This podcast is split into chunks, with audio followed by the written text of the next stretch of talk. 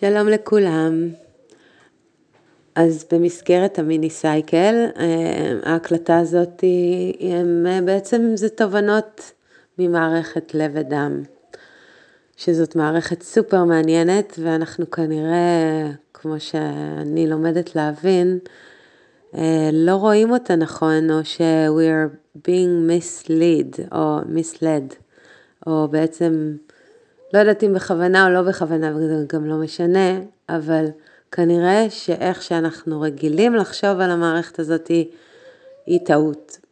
יכול להיות. בוא נשים שם סימן שאלה, ונראה איך אני מצליחה להעביר לנו את זה באיזה הקלטה של 20 דקות, חצי שעה, ולא... אה, גם בארבע שעות זה היה מאתגר להעביר את זה במיני סייקל, אבל זה גם היה עם ההפנמה הגופנית של זה. כאן אני מראש מוותרת על ההפנמה, זה אתם, כל אחד יכול לעשות בעצמו מתוך החקירה האישית, יש לנו דם, יש לנו לכולנו לב, אני מקווה, אז, אה, ואולי אני אקליט גם תרגול אה, שינסה לעשות את זה. כרגע זה רק ההבנה המנטלית של המערכת הזאת. אז אה, המלצה שלי, אם באמת מעניין אתכם להבין איך זה, ל- לכתוב בגוגל לב ודם, ולפחות מערכת לב ודם, ולראות את התמונה הכללית ושל זרימה ואיך, אה, שיהיה לנו את זה ב visual.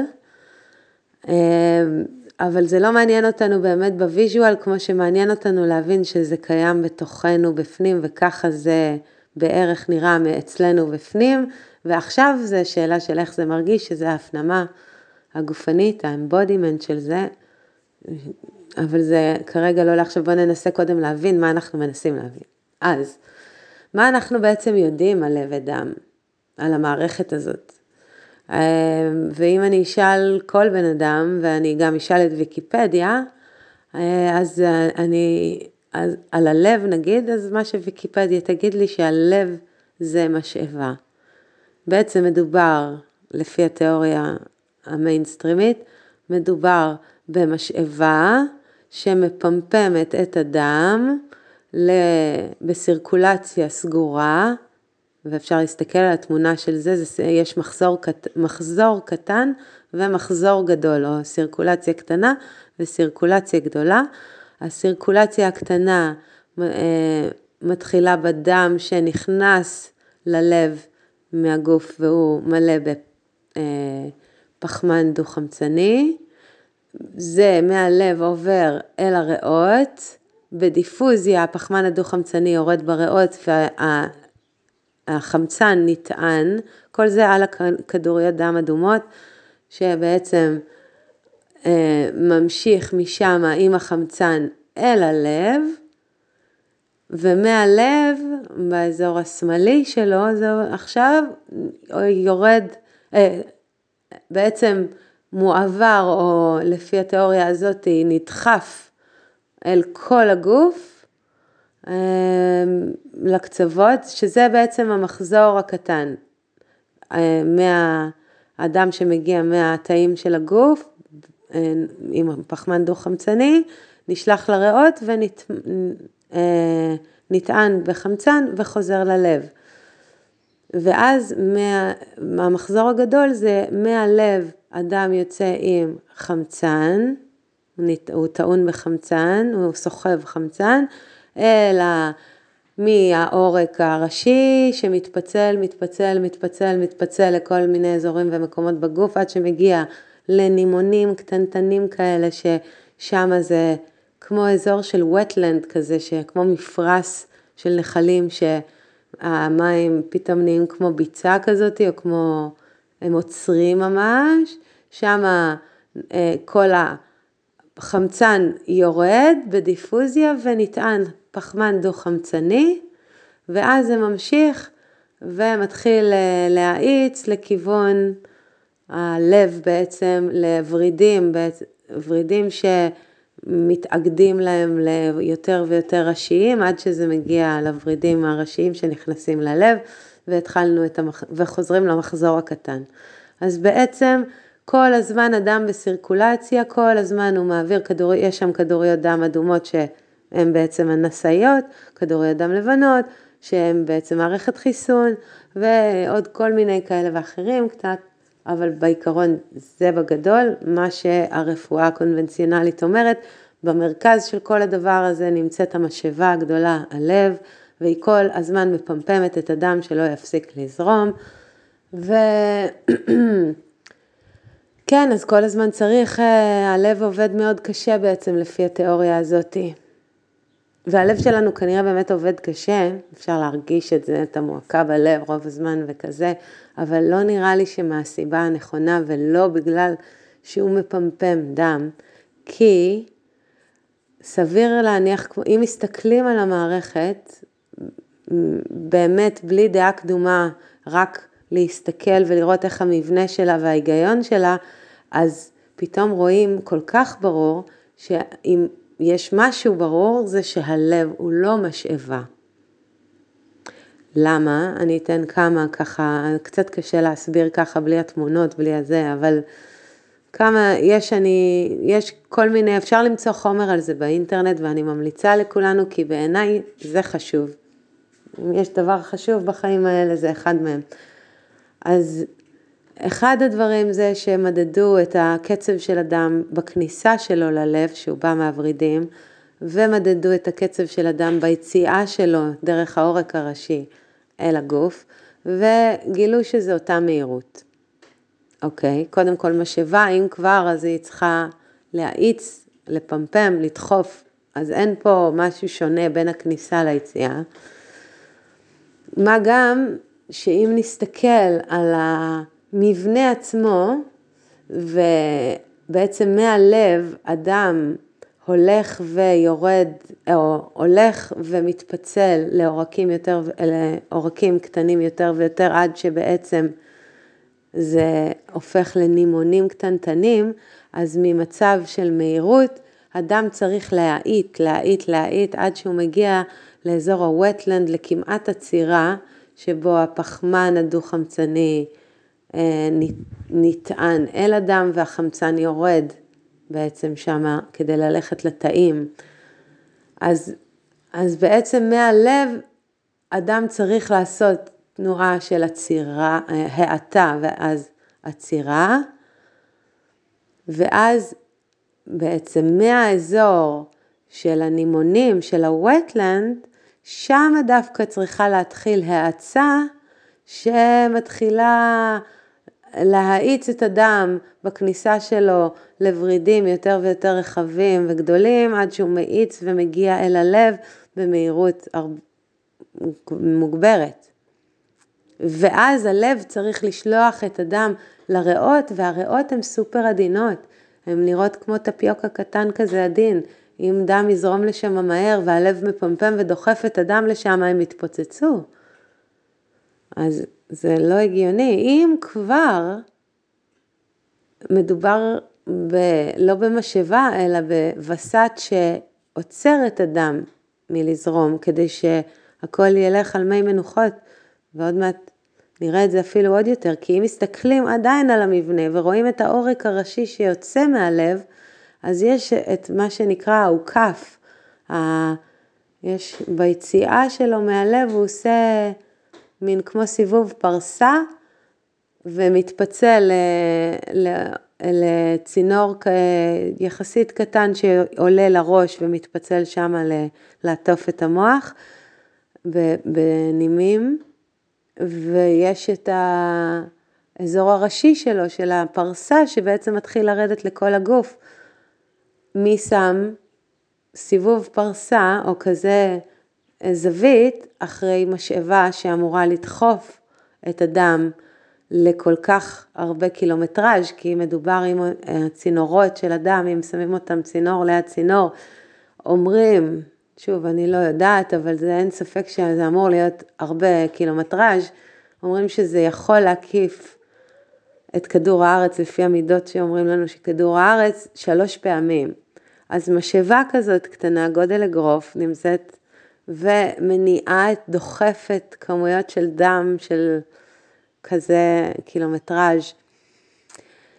אה, טוב, אני כבר לא קונה את זה, ואני באמת, אני שומעת עוד דברים כאלה מעניינים, הרי אין לי מעבדה, אני לא פותחת גופות, אני לא, אני לא עושה דברים כאלה, אני רק יכולה להסתכל על המבנה, ואז לצלול פנימה לתוך עצמי. וכשיצא לי, אחרי שקיבלתי את המידע הזה, יצא לי לעשות שבוע בסדנה, או יצא לי זמן של שבוע איכות עם עצמי בתוך עצמי. וזה מה שעניין אותי לבדוק ולחקור. וככל שאני מעמיקה ונמצאת שם יותר, פתאום יותר ויותר בהיר לי עד כמה זה טעות המחשבה המיינסטרימית, וזה לא טעות קטנה, כי היא משנה ראיית חיים שלמה. למה? כי כשאני חושבת שמדובר במשאבה, אז קודם כל יש הרבה מקום שיכול להתקלקל, יש הרבה מאמץ שצריך לעשות, כל הזמן משאבה דוחפת והיא כל הזמן עובדת, וזה שם המון אחריות והמון לחץ על ההישרדות הכי בסיסית בעצם, שבעצם כל המערכת הזאת היא מזרימה את החמצן לתאים, היא המערכת שמביאה חיים. לכל תא, אין תא שלא יכול להתקיים בלי החמצן הזה. אז, והנשימה שלנו לא שווה כלום אם אין לנו את הדם שיעביר את החמצן ויעשה את השליחות הזאת ולהביא אותה אל התאים. אז, אה, אז ככל שאני מעמיקה לחקור את זה בתוך עצמי וגם אה, מקשיבה ולומדת ממחקרים שנעשו בכל מיני מקומות, והמרכז הזה בעצם שהוא לב, מה זה לב? ואז אם אני מסתכלת ופתאום אני מסכימה לוותר על הרעיון של משאבה, ואני מסתכלת על, בעצם אם פותחים את הלב, וגיל הדלי שעושה ניתוחי גופות, ועם הרבה כבוד ואהבה לגופות שהוא עושה, באמת מתייחס אליהם יפה ומסתכל על המערכת ומה שכשהוא פותח את הלב, אז, אז מה שרואים מאוד יפה זה שזה בעצם צינור מגולגל בתוך עצמו והוא מחולק לחדרים, חדרים חדרים.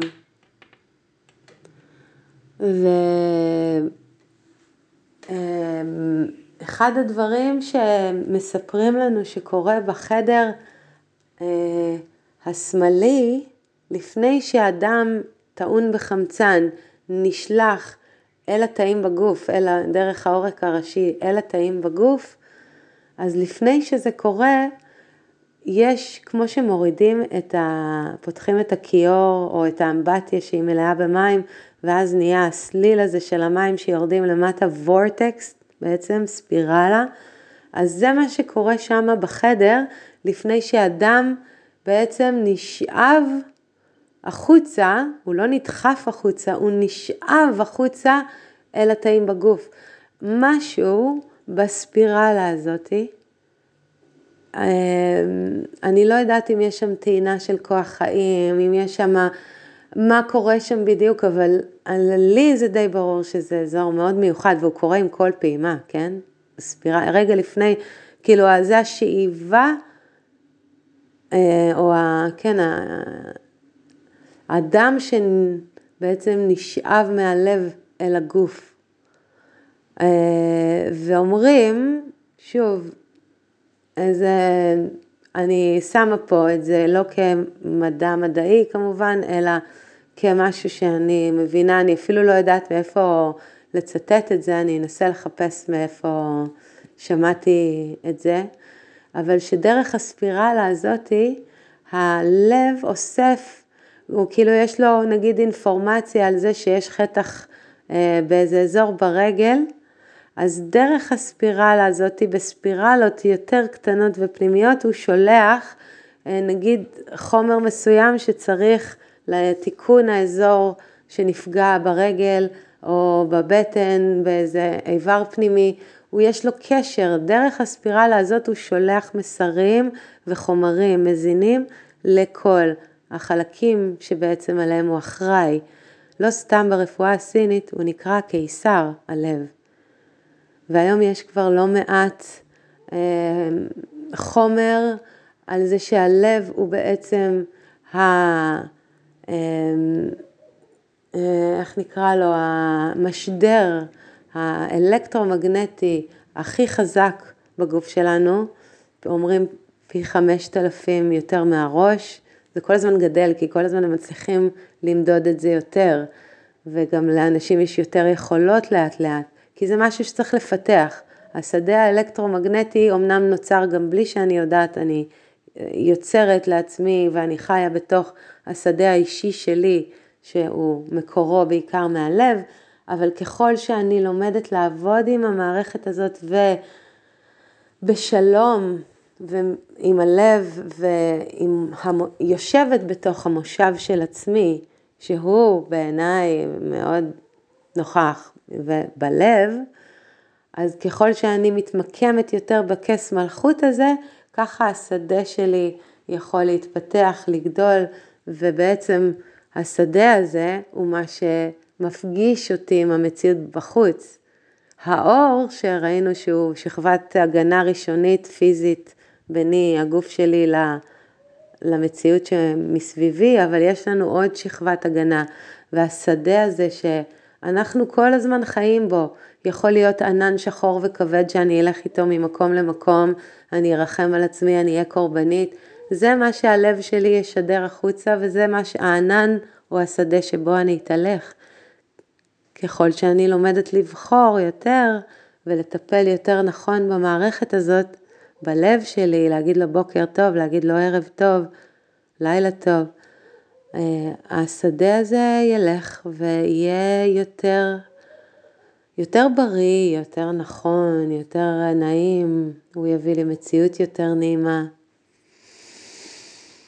אז אה, בוא נגיד שאני בעיקר מקווה שסקרנתי אתכם פה, זה על קצה המזלג וזה לא שום דבר לבנות עליו עולמות, אבל כן לקבל מספיק סקרנות כדי להתחיל לחקור את זה, להתחיל לבדוק את זה גם מבחינת ידע באינטרנט, אפשר ולא חסר מקורות שם בחוץ, ובעיקר וקודם כל יש לנו לב, הוא רק מחכה שנתייחס אליו.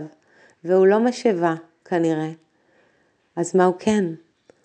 ואיך הדם זורם בגוף, זו שאלה מאוד חשובה, והתשובה עליה לא מסובכת, כי אה, מעבר ל... שמעתי, בוא נגיד ככה, שתנועה, אני זזה, אז הדם זורם, אני נושמת, הדם זורם, כי החמצן צריך להגיע, זה מערכת סגורה גם שמזיזה את עצמה.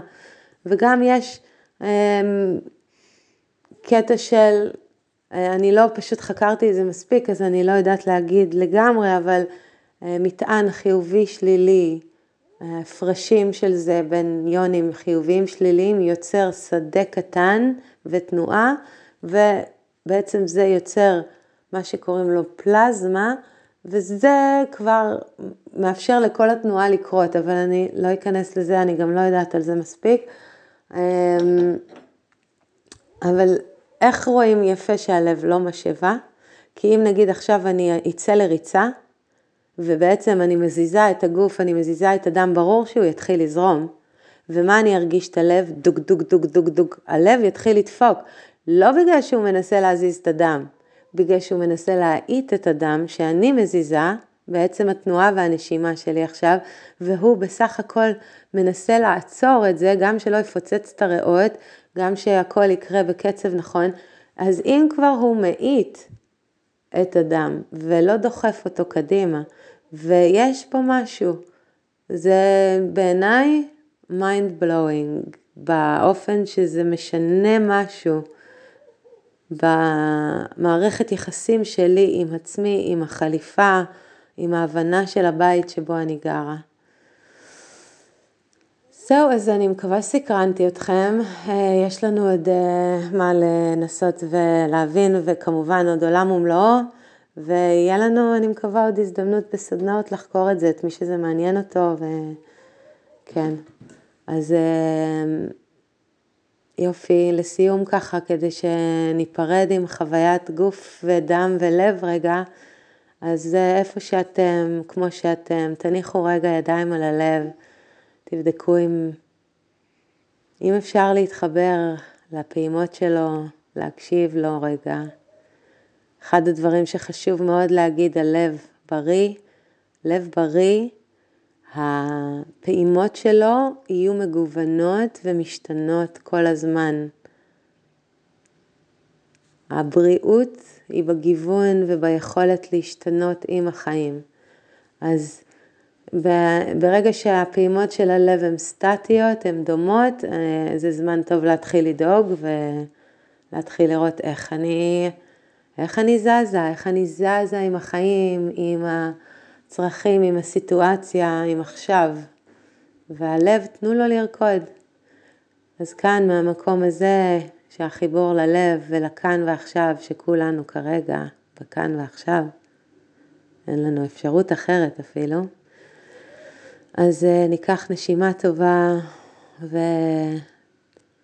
וניפרד לשלום. תודה רבה.